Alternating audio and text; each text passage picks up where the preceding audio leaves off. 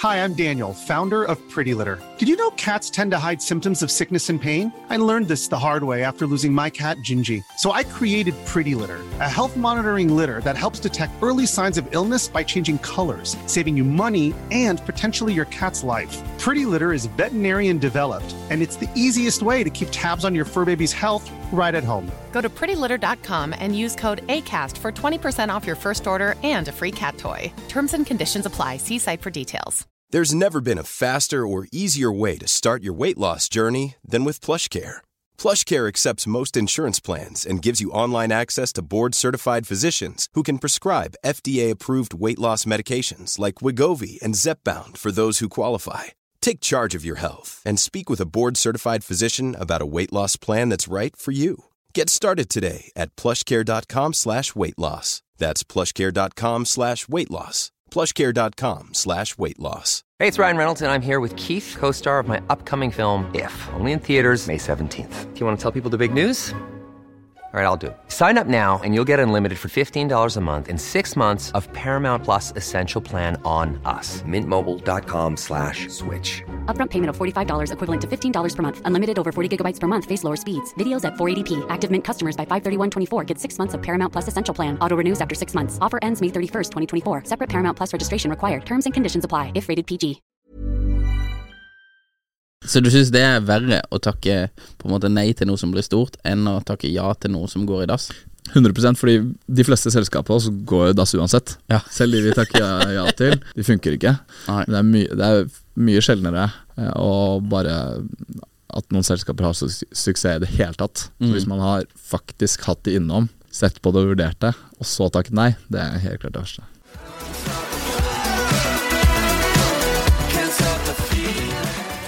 Da er vi tilbake med en ny episode av Impressions Pod, og vi har kommet oss til episode 100. Og i dag har vi besøk av en veldig spesiell gjest, Espen Malmo. Velkommen til oss. Tusen takk. Du er fra Oslo, 35 år, og er co-founder og managing partner i Skyfall Ventures. Norges heteste venture capitalist, har jeg blitt fortalt. Det var ikke mine ord, men det er jo veldig, Nei, det er mine veldig ord. hyggelig. Jeg står inne for de. Hvis folk vil ha penger, så kommer de til det. Hvis det er teknologi-startups, så kommer de også. Ja. Mm. Eh, 35 år, bodde i Oslo. Du har drevet med dette her siden 2016. Skyfall Ventures. Hvor kommer navnet fra? Skyfall? Eh, Det er eh, ikke supergjennomtenkt, men eh, en av co-founderne mine er veldig glad i navn som, eh, som man husker. Ja. som man har noe assosiasjon med, som er litt annerledes. Mm. Uh, og så har vi i, i senere tid også selvfølgelig en uh, bygget et litt brand rundt det. Uh, Ja. Det er litt dystre. Mm. himmelen faller litt over de store, etablerte selskapene. Ja. Og det nye som kommer opp, er selvfølgelig våre selskaper. Så det har ikke noe med James Bond å gjøre? Det er ikke det. Nei. Det er, er faktisk et latinsk eh, eh, saying, wording, ordtak rundt Skyfall, som jeg dessverre Som jeg burde lære meg, men som jeg aldri husker. Men, eh, så, hvor, hvor James Bond-filmen også har fått sin uh, Ja, ok. For det er 2016, nå husker jeg ikke når den kom ut, men det er hakket før det er før den. Ja, det vet jeg faktisk ikke. Ja, det er ikke langt Jeg er faktisk altså. ikke så stor James Bond-fan. Nei. Tidlig investor av Oda, Theis, Nansen, Ottovo, Ottovo, Firi og Nabobil, for å nevne noen. Den lista her, det er jo det er mange flere på denne lista også som er svære selskaper, men den lista her er jo veldig imponerende, må jeg si. Det er jo veldig mange av disse selskapene kjenner jo folk i dag. Ja, og spesielt eh, de selskap som er konsumerselskaper, eh, får jo ja, litt sånn brand recognition. recognition. Um, så vi har mm, både vært heldige og flinke og vært på den bølgen med de første eh, norske selskapene som fikk litt suksess. Eh, og vi har solgt oss ut av både Oda, eh, Otovo, Nabobil mm. eh, og et fjerde som dessverre ikke ble så kjent. Nei, Men det er fire exiter. vi har hatt fire exiter nå. Ja. Kan du fortelle, for folk som ikke vet, venture capitalist, det vet jeg jo nesten ikke hva jeg er, men jeg skjønner at dere går inn med penger i startups. Men kan du fortelle på en måte hva venture capitalist er, og Skyfall Ventures? Ja. Så vi i Skyfall forvalter kapital kapital fra investorer eh, ved et fond, mm. eh, på lik linje med børsnoterte fond, bare at vi investerer i private selskaper eh, som ikke er listet på noe børs. Mm.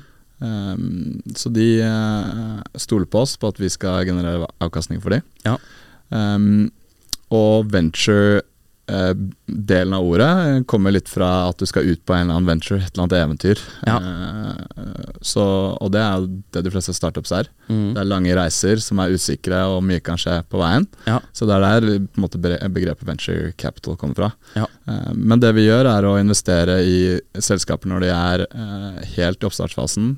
Typisk er de kanskje tre gründere. Mm. Eh, De har utviklet den første prototypen av produktet sitt. Mm. Eh, Noen har fått et par kunder hvis det er B2B, eh, altså de selger mot bedriftsmarkedet. Mm. Eller eh, noen tusen bruker brukere hvis det er konsumer. Ja. Og så trenger de kapital for å bygge produktet videre og ansette kanskje noen flere utviklere Mm. osv. Og det er den type kapital vi kommer med og stiller med. Mm. Og så er det lange løp. Vi skal være med i ti år. Ti år er levetiden på fondene våre. Ja, ok. Eh, så lenge. Og Ja. investorene må sitte illikvid og, og vente. Ja, for det visste jo da eh, Hvor mye penger er det dere har? Eh, vi har rundt 350 millioner kroner i, under forvaltning. Ja, Så si at jeg er en riking, og jeg har 50 mil til overs, og sier Espen, jeg vil dytte dette her inn i Skyfall, og du skal på en måte investere dette. Én, jeg får ikke tak i disse pengene hvis jeg skal kjøpe meg hytte på Hafjella, så får ikke jeg tak i disse pengene før om ti år. Det stemmer. De er låst. Det stemmer. Ja, ok. Så det, det er jo spennende. Og så er det på en måte eh, tech startups, i hovedsak som er nisja deres. Ja. Som er jo eh, Jeg vet ikke om du har noe tall på det, men det er jo mange av de som ikke klarer seg. Ja. Så det er høy risiko her. Ja, altså det, vi pleier å si at det er jo noe av det mest illikvide, risikofulle finansielle produktet som fins. Ja. Men eh, investorene våre er eh, Vi forvalter Vi har en, en sånn type konsesjon som, som gjør at vi kan eh, kun forvalte penger for profesjonelle investorer. Ja. Så, så de vet hva de investerer i, og forstår den risikoen. Og har Skyfall Venture som en liten del av sin totalportefølje. Ja, ok. Så det er ofte Eh, mindre Så, så hvis de skal kjøpe seg hytte, så kanskje har de noen andre børsnoterte ting de kan selge. Forhåpentligvis. Ja, okay, så, så- det er veldig få som putter alle, eh, alle sine midler hos oss, Ja. men en liten, eh, noen prosentandeler Ja. eh, som de ønsker bra avkastning på. Mhm. Eh, det er jo mer risiko, så da skal man jo få bedre avkastning over tid. Ja. eh, hvis man gjør jobben sin riktig. Mm. Um, Men når du sier, du sier profesjonelle investorer, hva er det? For det, jeg, jeg har jo vært inne på Nordnett, og så har jeg jo kjøpt eh, et selskap, og så har jeg solgt et selskap, og sånn og sånn, og så tapte jeg 10 000 på det, og så er det ferdig. Så er liksom hvor, hvor går Når er jeg en profesjonell investor? Eh, Det, det er noen lovkrav rundt det. Dette er jo regulert av Finanstilsynet. Eh, Jeg husker ikke regelen sånn helt i hodet, men lurer på om de proffe må typisk ha eh, 200 millioner kroner på balansen, nå i den døren. Ah, ja, så det er bestemt Eh, ut det er sånn penger. To av tre, ja, eh, to av tre eh, eh, sånne kriterier. Ja. Og så eh, kan du også be om å eh, bli behandlet som en proff, mm. eh, men selv da må du ha jeg lurer på om det er rundt 500 000 euro under, eh, i assets og være egnet. Ja. Eh, så det er ganske høye krav. Ja. Ja, ok, Så det er, det er skikkelig rikinger, da, for å si det kort fortalt. Udemokratisk, syns jeg, da. Ja, ja for det, det er jo på en måte Sånn som Oda, Theis og liksom alle disse her Det er jo eh, dere, uten at jeg vet det, men jeg regner med at dere kommer inn veldig tidlig. Og et av konkurransefortrinnene deres kontra å stå på egne bein, må jo være at dere har godt nettverk, dere har tilgang til å bli eh, tatt med tidlig, og dere har sikkert tilfører kompetanse og sånn, da. Eh, og da vil jo andre som ikke kan investere i dere, f.eks., de vil jo da bli holdt litt utenfor, av at de ikke har nok penger. Typ. Ja, eh, privatpersoner kan investere i startups direkte selv. Ja. Så det vi syns er litt eh, rart, er at reglene er sånn at du eh, du kan investere i to startups mm. uh, selv, med den risikoen det medfører. Det er like illikvid og risikofullt, det. Ja, ja. Uh, mens vi bygger porteføljer. ja. Uh, nå i det fondet vi investerer fra, eh, fra så, så bygger vi en portefølje på 20 eh, startups. Mm. eh, hvor du diversifiserer deg og tar ned risikoen. I tillegg så driver vi med dette på eh, fulltid og er, er proffe. Ja. Um, så ja. Men, men tenkte du i forbindelse med eh, at vi, vi, vi presser ut andre som ikke er eh, proffe, eller? Nei, ikke presse, det er jo ikke dere som har lagd reglene. Eh, men, men nei, ikke presse ut andre som er proffe. Men si at jeg hadde 50 000 eller 100 000, da. Så kan ikke jeg sette de i, hos dere. Så det ja. Men, men vi, vi syns det er ganske bra ved å ha med privatpersoner, eller engleinvestorer kaller vi det ofte i vår bransje, eh, inn i de eh, investeringsrundene vi investerer. For Vi investerer tidlig, og det pleier å være plass til flere enn bare oss. Ja. Eh, Selskapene trenger mye kapital, og, og, og flinke folk, tidligere gründere eller andre som har noe spisskompetanse, kan være veldig bra å ha med for, for de gründerne på deres gründerreise. Ja. Eh, Så kan man få fem millioner fra oss og 50 000 fra deg. Ja, ok. Så dere har på en måte et eh, Ja, dere har på en måte nesten et nettverk. eh, Så si at, det er, ja, si at det er fem millioner fra dere, og så er slåtten på seks millioner, da. Så kan jeg ringe riking nummer to, Ja. og så bare Du vil ha en mill her, som vil du, har du lyst til å ta den? Ja, ok. Så det er en måte å få eh, ja, gjort det litt annerledes Helst ikke bare rikingen, da, men de med kompetanse heller. Ja. Med litt penger. Ja. ja. Eh, når dere går inn i et selskap, hvordan bestemmes det hvor mye penger dere går inn med? For det, eh, sånn som eh, disse her Oda, tenker jeg jo at det krever mye kapital. De må ha eh, lager, de må ha ditt, de må ha datt, de må kjøpe det av varelager. Her, her, her må du ha liksom Du må ha bra med cash, da. Mens sånn som eh, Tice og kanskje Firi, det er mer sånn tech, nabobil også, så kanskje du trenger mindre penger der. Hvordan bestemmes beløpene dere går inn i et selskap med? Altså, For venturefond så er det ofte en faktor av eh, hvor mye kapital du forvalter, faktisk. Ja. Så i, i vårt eh, fond 2 så forvalter vi 250 millioner kroner. Mhm. Um, så vi regner oss egentlig litt bakover. Uh, vi ønsker en viss diversifisering, så vi skal investere i 20 selskaper. Ja. Uh, vi ønsker også at blant de 20 selskapene skal vi gjerne ha litt penger uh, til å gjøre oppfølgingsinvesteringer. spesielt hvis det tar av. Da har vi lyst til å double down. Mhm. Um, men si at du da har kanskje 100 millioner kroner eh, av de 250 til å gjøre førstegangsinvesteringer med. Ja. Og deler du 100, 100 millioner på 20, så blir det 5 millioner. Ja. Eh, og det gjør at eh, du da eh, Ok, men det er jo veldig viktig hva selskapene trenger, Mm. også selvfølgelig. Og når er det du trenger 10 til, eller 5-10 millioner kroner? Og det er typisk når du er ganske tidlig i livsfasen din som et startup. Mhm. Eh, Når du er mye senere fase og kanskje skal hente 100-200-500 millioner kroner, da har du typisk kommet litt lenger. Mm. Så fondsstørrelsen til fond eh, oss, eh, peker deg også litt i retning av hvor du typisk bør fokusere også. Ja. Så Men Så, det er en blanding av hva vi og vår strategi tillater, Mhm. eh, fem millioner, men selvfølgelig også eh, hva selskapet ønsker å hente. Ja. Så vi, eh, vi går, kan både gå ned fra den 5 millioner eh, kroner sweet spot-investeringen vår, mm. ned til f.eks. 3, men vi kan også gå opp til ti. Ja. Eh, Så det er da det, den fleksen vi har, hvor vi da ser på hva er det selskapet egentlig trenger.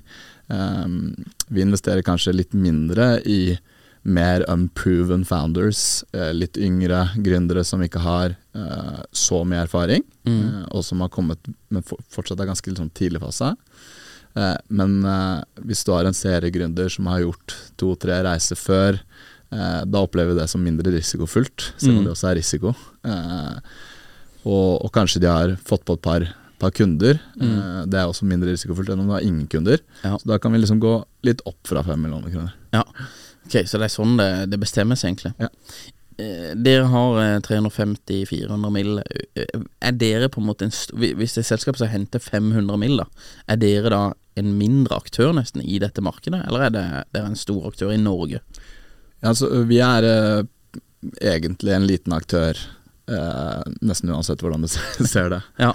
Eh, Det høres jo ut som sinnssykt mye penger, 350 mil, men i denne verden så er det kanskje ikke så mye. Ja, eh, for å få for eh, Forretningsmodellen knyttet til det å forvalte penger Mm. eh, gjør at du må ha ganske mye penger for å i det hele tatt ha råd til å lønne et, et par, par, tre, fire folk. Vi er fire stykker. Ja. Og har kontorer, og de kostnadene medfører. Så våre fond, sånn som børsnoterte fond, tar en prosentandel Mm. av, av det de forvalter i året. Mm. eh, som skal brukes til å drifte. Eh, så du, du må liksom Du må opp i sånn 200-400-500 millioner kroner for å bare kunne ha et par ansatte. Ja. Eh, Så det gjør at det fins nesten ikke fond som er mindre.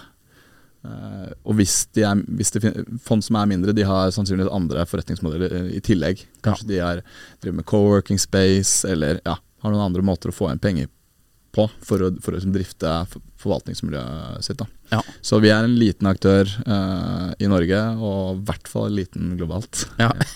ja, for det er liksom Hvis du skal ha store penger Det er jo eh, Jeg husker disse her eh, de, um, Kahoot. De henter fra Softbank, var det ikke det? Og de er jo nede i Asia. Og da er det jo sinnssyke penger. penger. Er, det, er det noen Hva er på en måte største fondet i Norge? Vet du hva det er? Er, eh, jeg vet ikke akkurat hva som er så tror jeg venturefondet, fordi det glir litt over i private equity.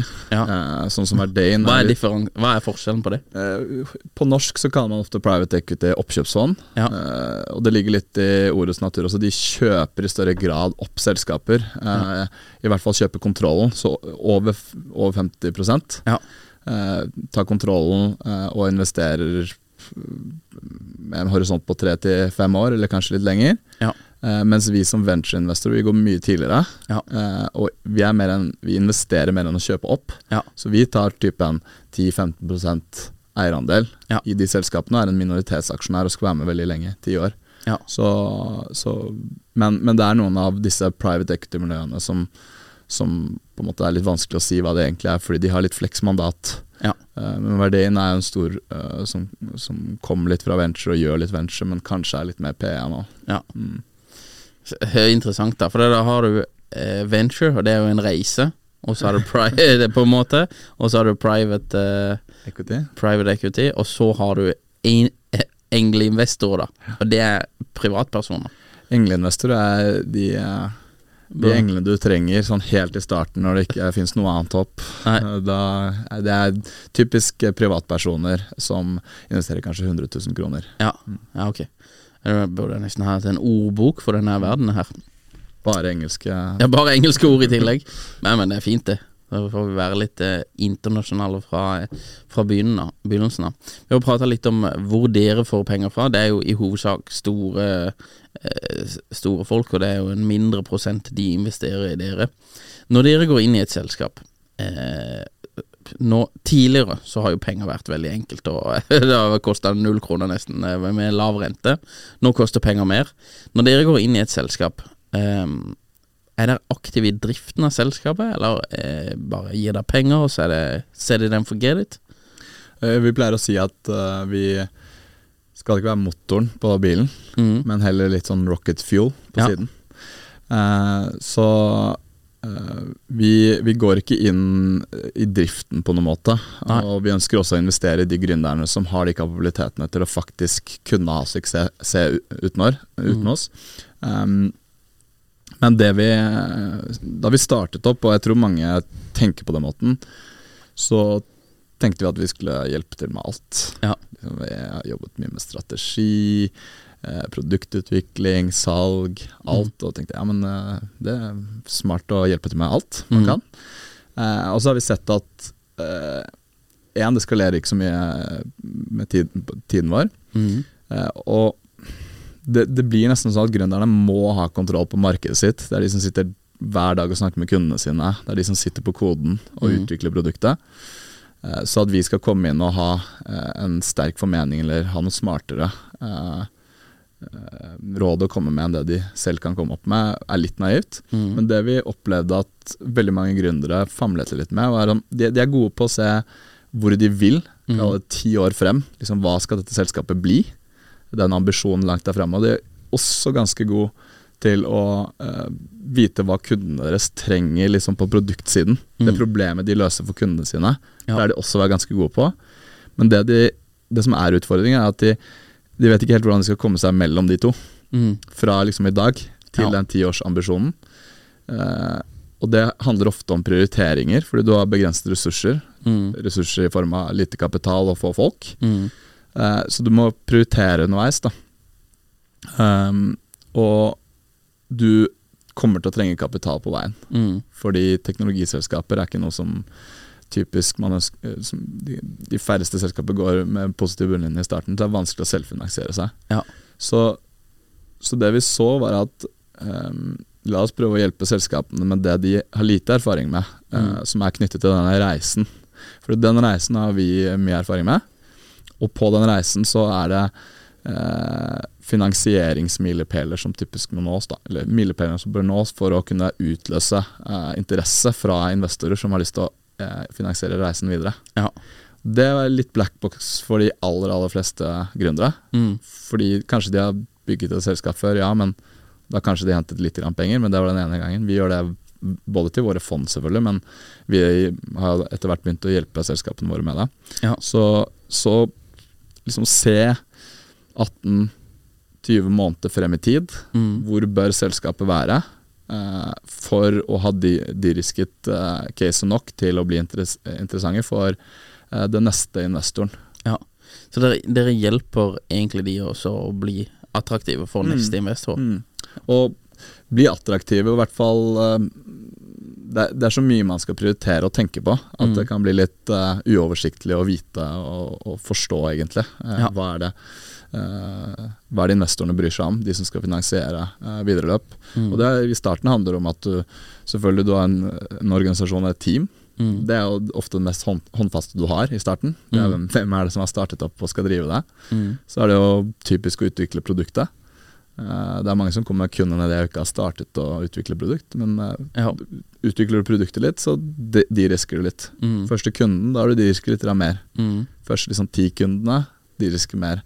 Begynner å få si en million kroner i, i, i abonnement eller lisensinntekter. eh, de risker mer, ikke sant. Mm. Milepæler, egentlig. Milepæler, Ja. ekspansjon. Liksom, har du kun kunder i Norge, eller har du klart å ta, eh, ta et nytt marked? Mm. UK eller USA eller Sverige eller Mm. Selger du kun direkte, sånn at du, alle du selger til må du ha en relasjon til, og kanskje det er onkelen din, liksom? Eller Mm. har du solgt til noen helt ukjente som kjøpte produktet ditt og sitter i Brasil Ja. og lastet ned softwaret ditt? Mm. Så dette er på en måte den uh, de-riskingen som vi prøver å gjøre litt sånn tydeligere for, eh, for gründerne. Og hjelpe de å sette mål eh, og jobbe aktivt med å komme dit. Mm. Uten at vi nødvendigvis har svaret på akkurat hva slags feature de bør utvikle, for det vet de best selv, men vi stiller i hvert fall spørsmålene, så har de ofte svaret. Ja.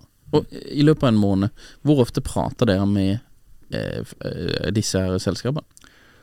Vi, vi, vi har jo rundt 40 eh, selskaper i porteføljen vår, så det er ganske mye å holde styr på. Mm. Så når vi legger opp, er at vi får um, månedsoppdateringer fra selskapene.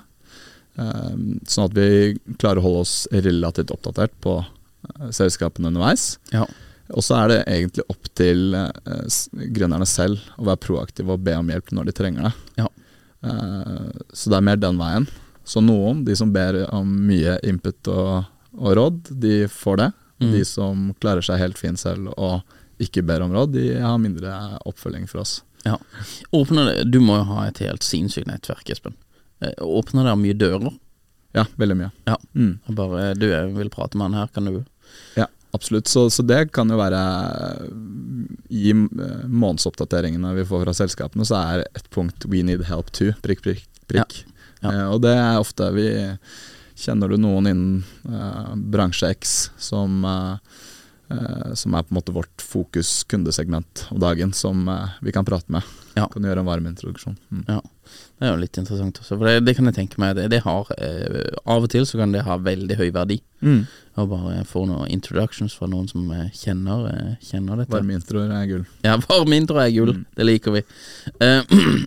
Dere sitter jo på en måte Iallfall to To steder her med Dere henter penger til dere selv, Mm. og så investerer dere til andre.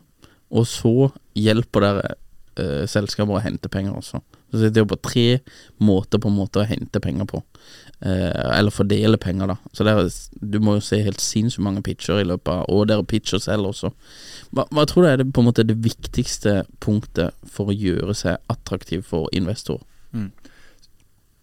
Det som er utrolig viktig om man, enten man skal selge et selskap og hente kapital til det, eller om du skal selge et produkt, er at du forstår eh, motparten, eller at du forstår den kunden du har. Mm. Så eh, når selskaper eh, pitcher til oss, eh, så er det aller viktigste er å vite om eh, er selskapet mitt innenfor Skyfall Ventures-mandatet. Mm. Så eh, som de fleste fond, så har man jo et mandat.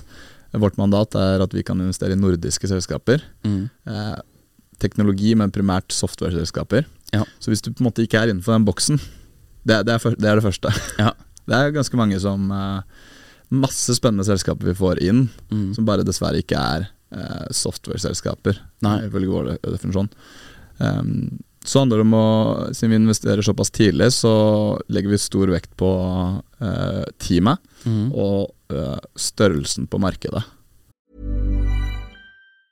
Many of us have those stubborn pounds that seem impossible to lose, no matter how good we eat or how hard we work out. My solution is PlushCare.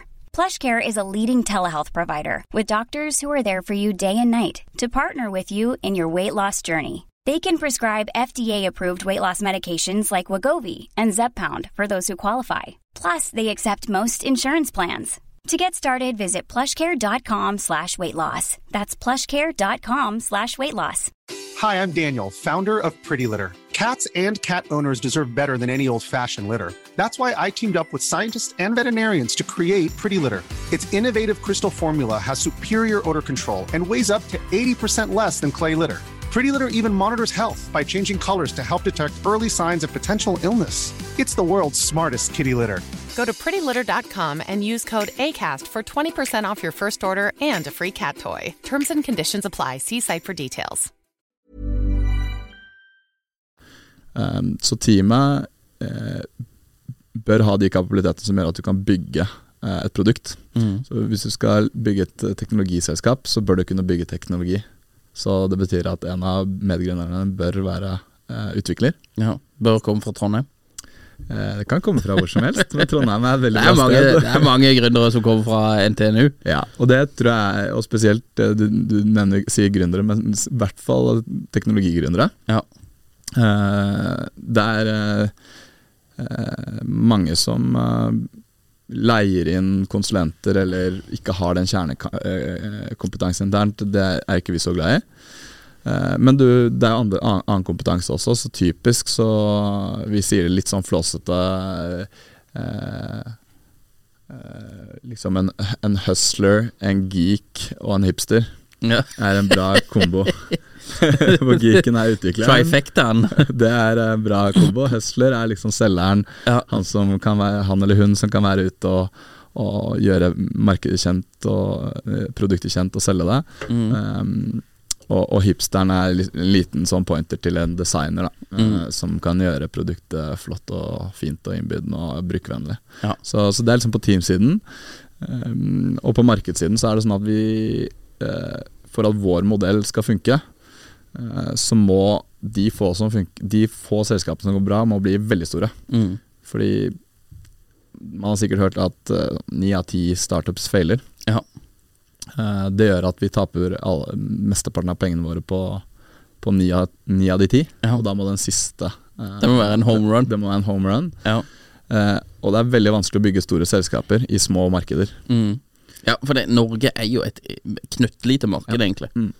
Jo, eh, for, for veldig mange større selskaper så vil jo Norge bare være testmarken, testmarked, nesten. Så det, Norge supporterer egentlig nesten bare eh, liksom venture scale home run-type case innom få industrier. Så eh, de markedene som, som er store, de hjemmemarkedene som er veldig store, eh, med liksom sånn dagligvare, innen finans, altså bankfinans, Mm. du har eiendom, Mm. men det er ofte liksom vanskelig å mm, liksom, lage noe tech-selskap. Ja. Eh, og eh, kanskje til dels transport. Mm. Eh, men eh, Og så glemmer jeg helt sikkert eh, en eller to. Men det, det er ikke så mange som har eh, liksom 100 milliarder kroners omsetning eh, i Norge kun. Nei. Selvfølgelig alle de store industriene vi er gode på i Norge, med oljeshipping olje, shipping, Mm. sjømat eh, osv. Det Ja. eksporterer vi jo. Ja, Mm. for det, det er jo på en måte det vi er mest kjent for i Norge. Det er jo olje, gass og eh, fisk og dette her, som er jo på en måte mye mer eh, sikre Hvis du kan kalle det sikre, da. Men det er kanskje Nå har jeg ikke noe tall på det, men det er iallfall mindre konkurser kanskje enn andre eh, Hvorfor har dere på en måte valgt at det er tech vi skal gjøre i Norge? Hvorfor har dere på en måte tenkt at dette er veien vi skal gå? Nei, det, det er en blanding av den kompetansen vi selv har, Ja. og, og noen på en måte kalle makrotrender. Eh, så, så selv kommer jo fra Jeg er utdannet teknolog fra NTNU. eh, og, Kom fra NTNU, alle mann og mine to, to andre medgründere er, er fra BI, faktisk, så det er ikke Oi, bare NTNU. nei, okay. Nei. Eh, Ikke dårlig. eh, så selvfølgelig, kompetansen man har er jo litt vesentlig. Mm. Um, eh, Men vi, ser at i Sverige så har de hatt veldig suksess med å bygge teknologiselskaper. Ja. Man kjenner til Spotify, Klarna Mm. og mange flere. Mm. Eh, og, Danmark, eh, og Finland har hatt veldig mange gode eh, og, og store suksesser. Mm. Spesielt innen eh, gaming, altså spill. Ikke gambling, men, men spill. Mm. Um, og Danmark har også hatt noen. Ja. Og vi ser, men vi, eh, Norge har liksom ikke vært der. Kanskje mye kompetanse har gått til de tradisjonelle industriene. Mm. Eh, Men vi er, vi er ganske like sånn utdanningsnivå, vi er veldig eksportorientert siden vi er, vi er et lite land, akkurat som Sverige, Danmark og Finland.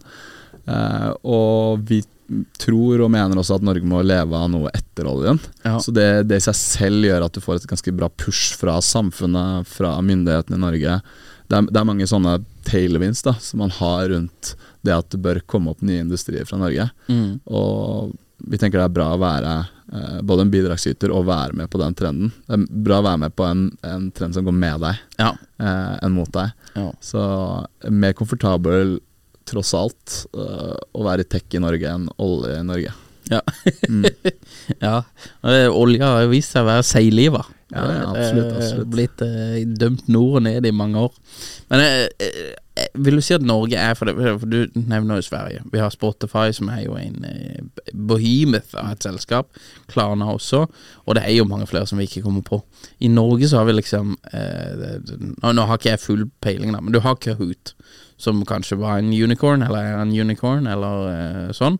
Men det er jo ikke på en måte Er det dårligere grobunn for tech-selskaper i Norge, eller er det bare at vi ligger litt bak, eller Hva er grunnen til at vi ikke har det Sverige har?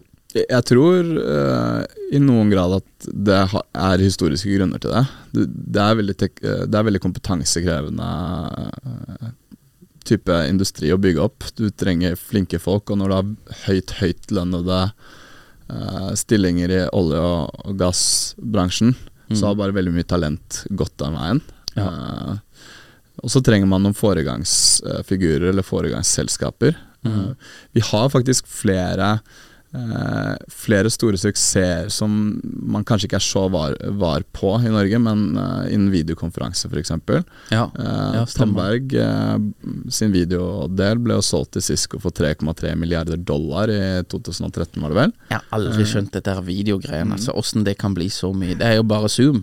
Det er jo, det kan, det er jo ikke rocket science, det der Altså, Tandberg videogreiene. var med på hardware-siden, ikke sant? og Ja. veldig mange av de selskapene som har kommet ut fra Vi sitter jo ikke så langt unna Lysaker nå. Nei. Eh, det kalles i bransjen Video Valley, Ja. eh, hvor det har kommet mange kule selskaper eh, ut av kjølvannet av den exiten, Mm. med Hudley, som driver med video-webcams. Mm. Og du har Akano, som ble også solgt til Cisco for rundt Jeg lurer på om det var tre 3 milliarder kroner eller et eller annet. Ja.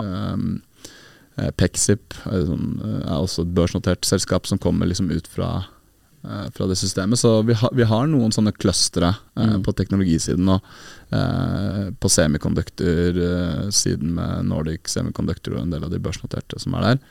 Eh, Så vi har noen. Kahoot for så vidt ikke egentlig kategorisert som en unicorn. Eh, liksom Definisjonen på det er eh, privat selskap når de oppnår altså en markedsverdi på minst 1 milliard dollar. Ja. Så Kahoot var på børs eh, da de nådde den milepælen.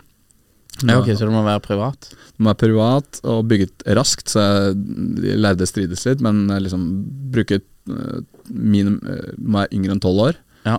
Eh, privat og eh, markedsverdi på en milliard dollar-. Så, Hvordan vet du at den markedsverdien er på 1 milliard dollar, hvis ikke de er på børs? så mm, private selskaper har også en eh, verdi. Ja, ja. absolutt. Så, Jeg og verdiene private markedet settes typisk i, i forbindelse med emisjoner, da, kapitalforhøyelser. Ja. Så da så de ja, norske som, som er i det kategorien, så har du Dune Analytics, Oda øh, ble det, og hva, øh, er det ikke lenger. Eh, eh, Gelato er vel kanskje den mest clean cut, og så eh, er det litt uenigheter om Cognite er det. Men eh, Ja. de også De, de fire har, har vært slash er. Så vi har noen. Ja, vi har noen, men det er, det er utrolig viktig å vise at det går an. Mm. Um, og de eh, som har vært med på de reisene, um, er utrolig viktig at man får resirkulert den kunnskapen. Mm. Eh, at de går ut og starter nye selskaper Ja. og bidrar til neste generasjons gründere. Mm. Der ligger eh, Sverige ti år eh, foran, og kanskje Finland og, og Danmark fem. Fem pluss år foran. Men målet vårt og håpet og det vi tror på, er at Norge kommer dit. da Ja. Nå, eh, nå skal vi ikke bli for politiske her, men eh, det er jo eh, det, Og det skrives jo mye i media og sånn, så kan man ikke alltid tro på det mediene skriver. Men hvis du leser i avisa, så virker det som veldig mange rikinger som har skapt eh, mye greier, de flytter ut av Norge. Eh, opplever du at det er tilfellet, og er det eh, negativt i forhold til det at ok, hvis du blir søkkrik, da, så må du liksom flytte ut? Er det tilfeller, eller er det bare noe media prøver å For det er jo veldig negativt hvis du får på en måte en brain drain, hvis du kan kalle det det, da, ut av Norge med en gang alle de, fly, de flinke flytter. Ja, det er i hvert fall de, eh, de med mye penger flytter i hvert fall. Ja. Um, og i hvert fall de som har høye ligningsverdier. Mm. Og, eh, jeg tenker at skattesystemet rundt uh, ja, formuesskatt spesielt er skadelig for norsk verdiskapning. Ja. Så om ikke annet fjerne uh, formuesskatten på arbeidende kapital. Ja. Uh, som gjør at man kan fortsette å rein, reinvestere og investere i, te, i selskaper som trenger kapital, uh, istedenfor at man egentlig føler at de må flytte ut. Ja. Mm. ja. Så det er en eh, du, du er på en måte litt enig i at det er litt eh, brain drain fra Norge? Eller er det bare hypa opp? Uh, Eh, ja, det er jeg litt usikker på om eh, eh, Man kan jo selvfølgelig anta at de som har penger, også er smarte. Jeg. Det tror Noen, noen er veldig smarte, andre er sikkert ikke så Hvis det, hvis det er det du mener med brain drain. Det er for Ja. en kapitalflukt fra Norge. Ja.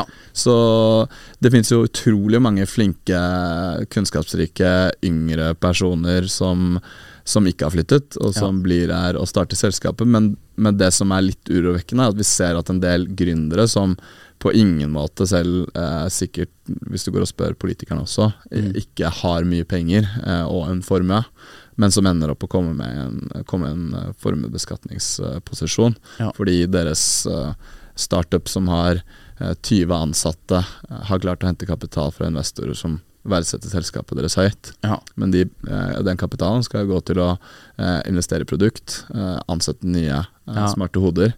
Eh, så har hørt eksempler på at eh, gründere som startet opp selskap for to-tre år siden og egentlig ikke har noe likvide midler over hodet, eh, vurderer å flytte ut allerede nå. Så Ja. de ender opp med å flytte ut før de starter egentlig oppsiktsseende. Ja. Det, det, det er en veldig farlig utvikling i så fall. Ja, den ser jeg. Den ser jeg. Har du Når du, du er jo ganske kjent, og, og du er jo på en måte Når du er på Jeg vet ikke om du er mye på byen, men si du er ute og tar deg en, eh, tar deg en øl eller gjør hva du vil, og så er det på en måte i et sånt startup-miljø. Du må jo være eh, på en måte en Victoria Secrets-modell i mengden her, som alle vil prate med. Får du mange pitcher i på en måte heisen eller i baren, eller liksom bare 'Espen, hør her, jeg trenger to minutter av tida di, her er en idé', bang, liksom. Får du mange av disse her eh, som bare pitcher til det? Ja, Fra hofta? I hvert fall hvis man er i litt en setting, eh, et type teknologikonferanse, eller man er på et eller annet event som, som er sånn jobbsammenheng. Jeg vil ærlig innrømme at det er svært lite liksom, på pitching på byen. eh, Ja. Så, ikke, ikke så kjent. Eh, Men eh, akkurat i det lille miljøet som, som jeg jobber i, der opplever vi det. Ja. Mm, og noe av det morsomste med jobben er jo å høre eh, gründere som satser livet sitt på, eller i hvert fall karrieren sin på å starte opp noe, ta Ja. risken og ha masse energi og eh, hva skal jeg si, entusiasme rundt det de bygger. Ja. Um, men uh, det er jo litt, litt sånne tid og sted uh, for det. Ja. Uh, så ja, det er morsomt, men um, det, det, jeg pleier å si liksom det viktigste i enhver sånn interaksjon er å være ganske Og det, dette råder vi våre selskaper også til. Da, være litt sånn var på hva er målet med interaksjonen. Mm. Så på en sånn, eh, et sånn konferanse så ville jeg, vil jeg anbefalt gründere til å tenke at målet er ikke å få investering, målet er å få et møte hvor man kan snakke Ja. om eh, eh, selskapet sitt. Ja. Hvor man har tid eh, til å sette seg ned og, og se på det ordentlig. Ja. Så hold det kort, og eh, tenk liksom Ok, jeg, det jeg skal spørre om, er skulle vi tatt et møte, eller skal jeg sende, kan jeg få mailen din, så jeg kan sende over materialet? Ja. Eh, for en sånn fem minutter uten å puste pitch, eh, hvor, hvor man egentlig er på vei til et annet møte, den, den er litt verre. Ja, jeg ser det bare for meg også på Findings eller noe sånt. Der står det og så bare Espen, nå skal du høre her. Kjapt, liksom. Mm. skal du få en øl i tillegg, liksom. Og så pleier jeg å anbefale alle at uh, det, det, er, det er ganske vanlig å tenke at det er ideen som, som er eh, det geniale. Eller at ideen har alt å si. Mm. Eh, Så de fleste pitcher ideen sin, Mm. men snakker veldig litt om seg selv. Mm. Så gjerne, hvis, hvis noen hører på og har lyst til å komme opp med deg, ta heller og pitch deg som person eller teamet. Ja. Eh, jeg har gjort dette, eller vi har denne kompetansen, eh, og vi skal få til noe stort. Eh, Ja. Fordi ja, Mye mer enn at Vil du høre den ideen? Ja, jeg ser den. Du, dere har 40 selskaper som dere har investert i. Eh, og det betyr jo at det er veldig mange selskaper som pitcher til dere, som du må avvise. Hvordan gjør du det på en god måte uten å drepe gründerdriften til disse her? Du må si dessverre, dette er ikke godt nok. Nei, det, er, det, er, det er faktisk utrolig vanskelig. Vi ser på rundt 800 selskaper i året. Og invest- 800, så tre i døgnet. Ja, det blir vel noe sånt. Ja. Eh, og eh, vi investerer Jeg så på tallene her nå forrige uke, faktisk. Jeg lurer på Vi investerer i 0,7% av de. Mm. Eh, så det er jo mest nei. ja.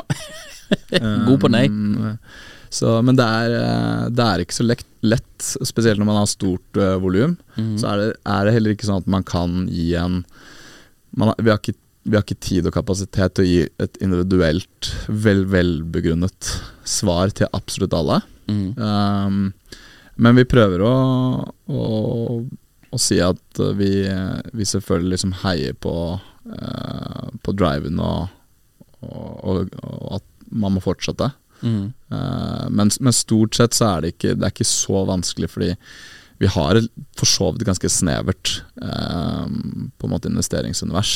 Ja. Ofte så kan det være litt for tidlig.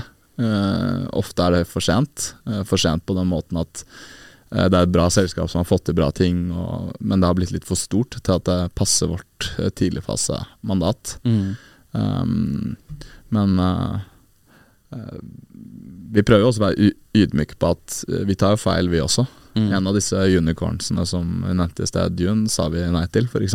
Så det var en klassisk eh, hvor vi kjente gründeren litt og var innen et space vi har litt har, har peiling på, men at det føltes litt Det føltes tidlig. Ja. Eh, ikke så mye verifisering, eh, ikke noe særlig salg til kunder. Mm. Så det var vanskelig liksom å, å få full confidence på at det skulle bli så stort. Ja, Mm. jeg ser den. Nei, du må, du må jo ha noen av de som går eh, litt stang ut også. Kan ikke Det er egentlig verst. Det er verst. Det, det er verst. Ja, Så du syns det er verre å takke på en måte nei til noe som blir stort, enn å takke ja til noe som går i dass? 100 fordi eh, de fleste selskaper også går i dass uansett. Ja. Selv de vi takker ja, ja til. De, eh, de funker ikke. Så om vi takker ja til én ekstra som går dårlig Vi Mm. kan selvfølgelig ikke takke ja til 100, Fordi det har vi ikke nok kapital til. Nei. Men det er, mye, det er mye sjeldnere eh, å bare at noen selskaper har su suksess i det hele tatt. Så Mm. hvis man har faktisk hatt det innom, Mm. sett på det og vurdert det, og så takket nei, det er helt klart det verste. Ja, jeg ser den. Um, si at du var Støre, Eller si at du ble diktator i Norge, og du hadde masse makt, og du kunne gjøre hva du ville.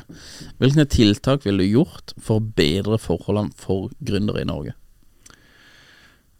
Så jeg tenker at uh, det som er viktig, er kompetanse og kapital. Kapital uh, må vi ha i Norge, så jeg ville investert eh, enda mer eh, fra statlig side. Vi har eh, miljøer som Investinor og Nysnø i dag. Eh, Investinor er en av våre investorer. De eh, gjør mye bra for økosystemet. Så sørge for at det er kapital, sørge for at kapital ikke forsvinner Mm. eh, fra landet. Så i hvert fall fjerne formuesskatten på arbeidende kapital. Mm. Um, og så er det ganske vanskelig å få tak i flinke teknologihoder i Norge. Mm. Så jeg ville sett på noe som hadde gjort det mulig å tiltrekke seg mye kompetanse til Norge. Mm. Litt som de har vært flinke til i USA og Silicon Valley spesielt. Mm. Eh, der står vel i hvert fall halvparten, eh, sikkert mer også, av eh, de, de store tekstselskapene. De har gründere som ikke er fra USA. Ja. Um, og uh, i UK så har de nylig lansert et sånn uh, gründervisum. Så så lenge du uh, har en god idé som verifiseres av uh, Kall det um, Innovasjon Norge-ekvivalenten i UK. Mm. Liksom et business case og, og litt sånn. Så kan du få, få opphold til å utvikle den, den bedriften din der. Ja. Og du må kunne supportere deg litt og sånn. Men på samme måte ha et sånt gründertype visum, men også et, kanskje et kompetansetype visum. da. Så Ja. Hvis du er utdannet fra um, topp 100 teknologiuniversiteter i, i verden, så er det bare kom til oss. Ja. Om det ikke er eh, oppstartsselskaper de starter jobb i, så er det garantert andre eh, mer modne teknologiselskaper som trenger kompetanse. Så Mm. ja, et, eller annet hvor vi sørger for at eh, kapitalen blir enda mer satses fra myndighetene på kapitalsiden, og at vi tiltrekker oss eh, mer kompetanse. For det, det jo Du var ikke så diktator. Nei, det var ikke så diktator. Men eh, det er, jo, det er jo en sak som USA Det er jo mye meninger om USA, da, men de, de har jo vært ekstremt flinke i veldig lang tid på å tiltrekke seg veldig flinke folk. Det, det kan man ikke krangle på, nesten. Så det er jo noe som Norge må liksom må Vi må ikke sende ut eh, de flinke folkene, vi må heller hente de inn. Og også, som, som du var inne på tidligere, hvis, hvis du ser til eh, Emiratene og til Saudi og alle disse her, alle kikker etter olja. Hva skal vi gjøre etter olja, liksom? Så det, det er, og, og gass, da, selvfølgelig. Men, eh, men alle kikker på en måte etter, og det er jo eh, viktig at vi i Norge også, at ikke vi bare ja, sitter på laurbærene og tenker at uh, dette her går Nicolai Tangen skal redde oss alle. Ja, det, det tar tid også å bygge selskap, så vi kan liksom ikke starte når oljen har tatt, tatt slutt. Nei. Så vi, det tar minst ti, ti år. Eh, Ja. Oda er vel rundt ti år nå, Mm. eh, og Kahoot eh, begynner å bli det. Ja. Eh, så vi, vi må starte. Vi har hatt to caser hvor eh, idrettsprofiler relativt kjente i Norge har kommet til oss, og de har liksom ett år igjen av karrieren, og så bare ja, vi må, vi må få sosiale medier til å vokse noe voldsomt. Jeg bare, Dette her skulle vi begynt for, med for fem år siden, liksom, mens du er aktiv, mens du vinner kamper, mens du holder på med dit og datt. Det er liksom, ja Det er ikke noe quick fix på slutten av eh, liksom karrieren. Bra analogi. Ja. Det, så det har vært noen uh, Urias-poster vi har havna på der, som ikke var, var enkle å, å dra i land. Eh, exits. Eh, nå, klokka fyker av gårde her. Men eh, exits. Eh, dere har hatt noen exiter. Eh, hva er det som bestemmer at dere tar en exit? Eh, er det bare at det blir kjøpt opp av noen andre, eller er det liksom eh, Har disse her som har dytta penger inn i det, har de noe å si, eller er det bare eh, Espen bestemmer at vi skal ut nå? Ja, altså Exit er jo da å selge sine eh, aksjer i, i selskapet. Så Ja. eh, vi er en såpass liten aktør. Eh, når eh, Vi er kanskje en stor aktør når de starter opp, Mm. men eh, når de forhåpentligvis har blitt store, så er vi en ganske liten aktør eh, og en liten aksjonær. Eh, Så i stor grad så er det ikke vi som kan på en måte pushe eller veldig aktivt eh, dytte selskapet mot et salg. Mm. Um, men vi har egentlig alle alternativer eh, som, som du nevnte der. Vi, eh, Otovo solgte vi da det gikk på børs. Mm. Det er en veldig vanlig sånn liquidation event, som det heter. Mm. Eh, mulighet for å selge aksjer. Um, vi har hatt et strategisk oppkjøp hvor en, eh, hvor en ja, en bedrift i samme bransje, eh, i samme industri, kjøpte opp selskapet. Vi har hatt nabobil, solgte vi til Getaround, som er en større versjon av nabobil i USA. Mm. som for så vidt også er børsnotert nå. Eh, og Oda solgte vi inn i forbindelse med egentlig en eh, finansieringsrunde. Ja. Hvor eh, det var investorer som hadde lyst til å putte inn mer kapital og få større eierposisjoner. Mm.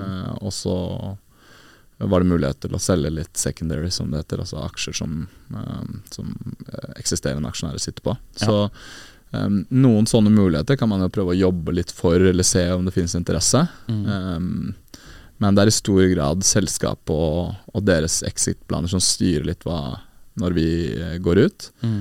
Eh, våre investorer, altså våre fondsinvestorer, har ikke så mye eh, påvirkning på den måten, annet enn at eh, vi har satt et, en strategi en, og har en varighet på, fond, på Mm. fondet på ti år. Mm. Og så har vi mulighet til å utvide et par år hvis vi ikke klarer å selge selskapene våre. Ja. Eh, men det er på en måte den timelinen de forholder seg til. Ja. Uh, så, så sånn i utgangspunktet så er det ingen som forventer at vi skal selge selskaper etter to år eller tre år. Nei. Når horisonten er ti år. Har du hatt noen selskaper hvor du tenker nå er vi At du mister på en måte troa på dem, eh, også at nå er vi på piken, på en måte. Nå må vi selge for å komme oss ut, for å hente Vi må ta gevinst nå, for jeg har ikke troa på dette videre. Altså Det kan jo komme sånne situasjoner. Eh, det, er, det er utrolig vanskelig å, å, å spotte sånne peaks uh, som det er i de private markedene. Ja. Um, eh, men det kan, det kan jo være tilfellet, selvfølgelig. Uh, og da bør man selge. Men det er ikke alltid så lett i oppstartsselskaper å, å ta en sånn, sånn exit. Det er ikke sikkert at jeg kjøper det. Det er ikke sikkert at man har helt mulighet til det. Eh, Nei. det er ikke sikkert at man I de børsnoterte markedene så er det sånn at du kan selge hele din beholdning, no strings attached, på sekundet. Mm. Mens på private selskaper så har du aksjonæravtaler som gjør at kanskje hvis jeg har lyst til å selge eh, og finner en, en kjøper, så, så har de andre lov til å eh, også selge litt av sine andeler. Ja. Så man sitter igjen og får solgt bare en bitte liten andel. Ja. Det man eide. Jeg skjønner. Så det er ikke sånn rett fram, det. Det er ikke helt rett fram. Hvis du, eh, nå har du dere 40 selskaper, og dette her blir sikkert som å velge mellom eh, barna dine. Men hvis du skulle valgt ett selskap som du liker best i porteføljen, eh, hvilket ville det vært? Um, vi har jo mange kule selskaper, da. Så jeg, det er veldig politikersvar. Ja, det, det er det. Det som er litt lettere, er jo å si i hvert fall hvem, et par av de som går veldig bra om dagen.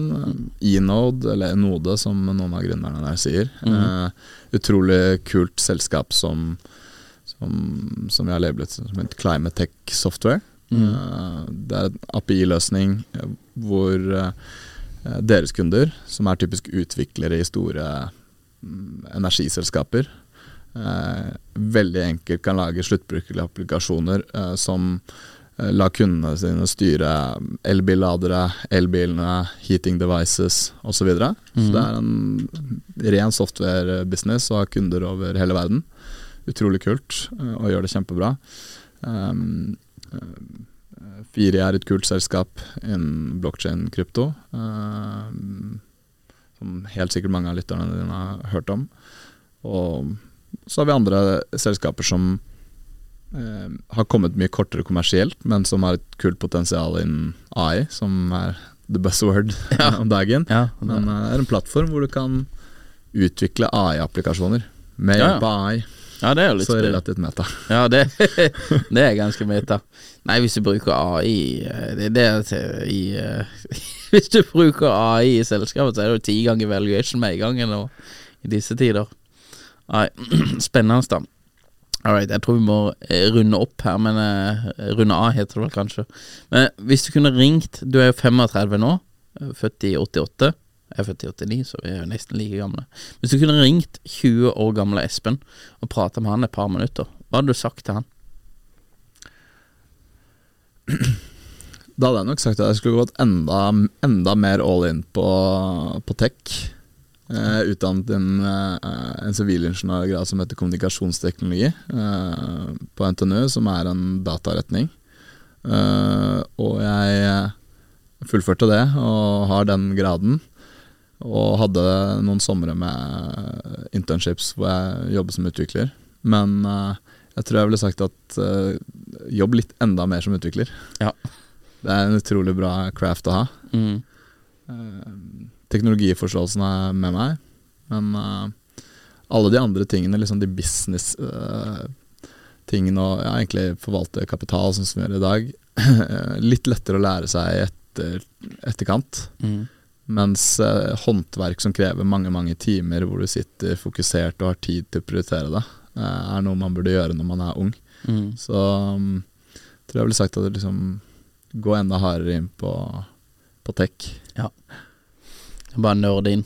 N nerd Ja. Uh, det, er, det får man så utrolig mye igjen for uh, senere i livet. Ja. Um, Jeg ser den. Espen, veldig trivelig å ha deg her. Veldig trivelig at du kunne være med som vår special guest på episode 100. Uh, det setter vi pris på. Og så ønsker vi deg lykke til med alt det dere holder på med. Det er veldig, det er veldig kult å følge. tusen takk. Hi, I'm Daniel, founder of Pretty Litter. Did you know cats tend to hide symptoms of sickness and pain? I learned this the hard way after losing my cat, Gingy. So I created Pretty Litter, a health monitoring litter that helps detect early signs of illness by changing colors, saving you money and potentially your cat's life. Pretty Litter is veterinarian developed, and it's the easiest way to keep tabs on your fur baby's health right at home. Go to prettylitter.com and use code ACAST for 20% off your first order and a free cat toy. Terms and conditions apply. See site for details.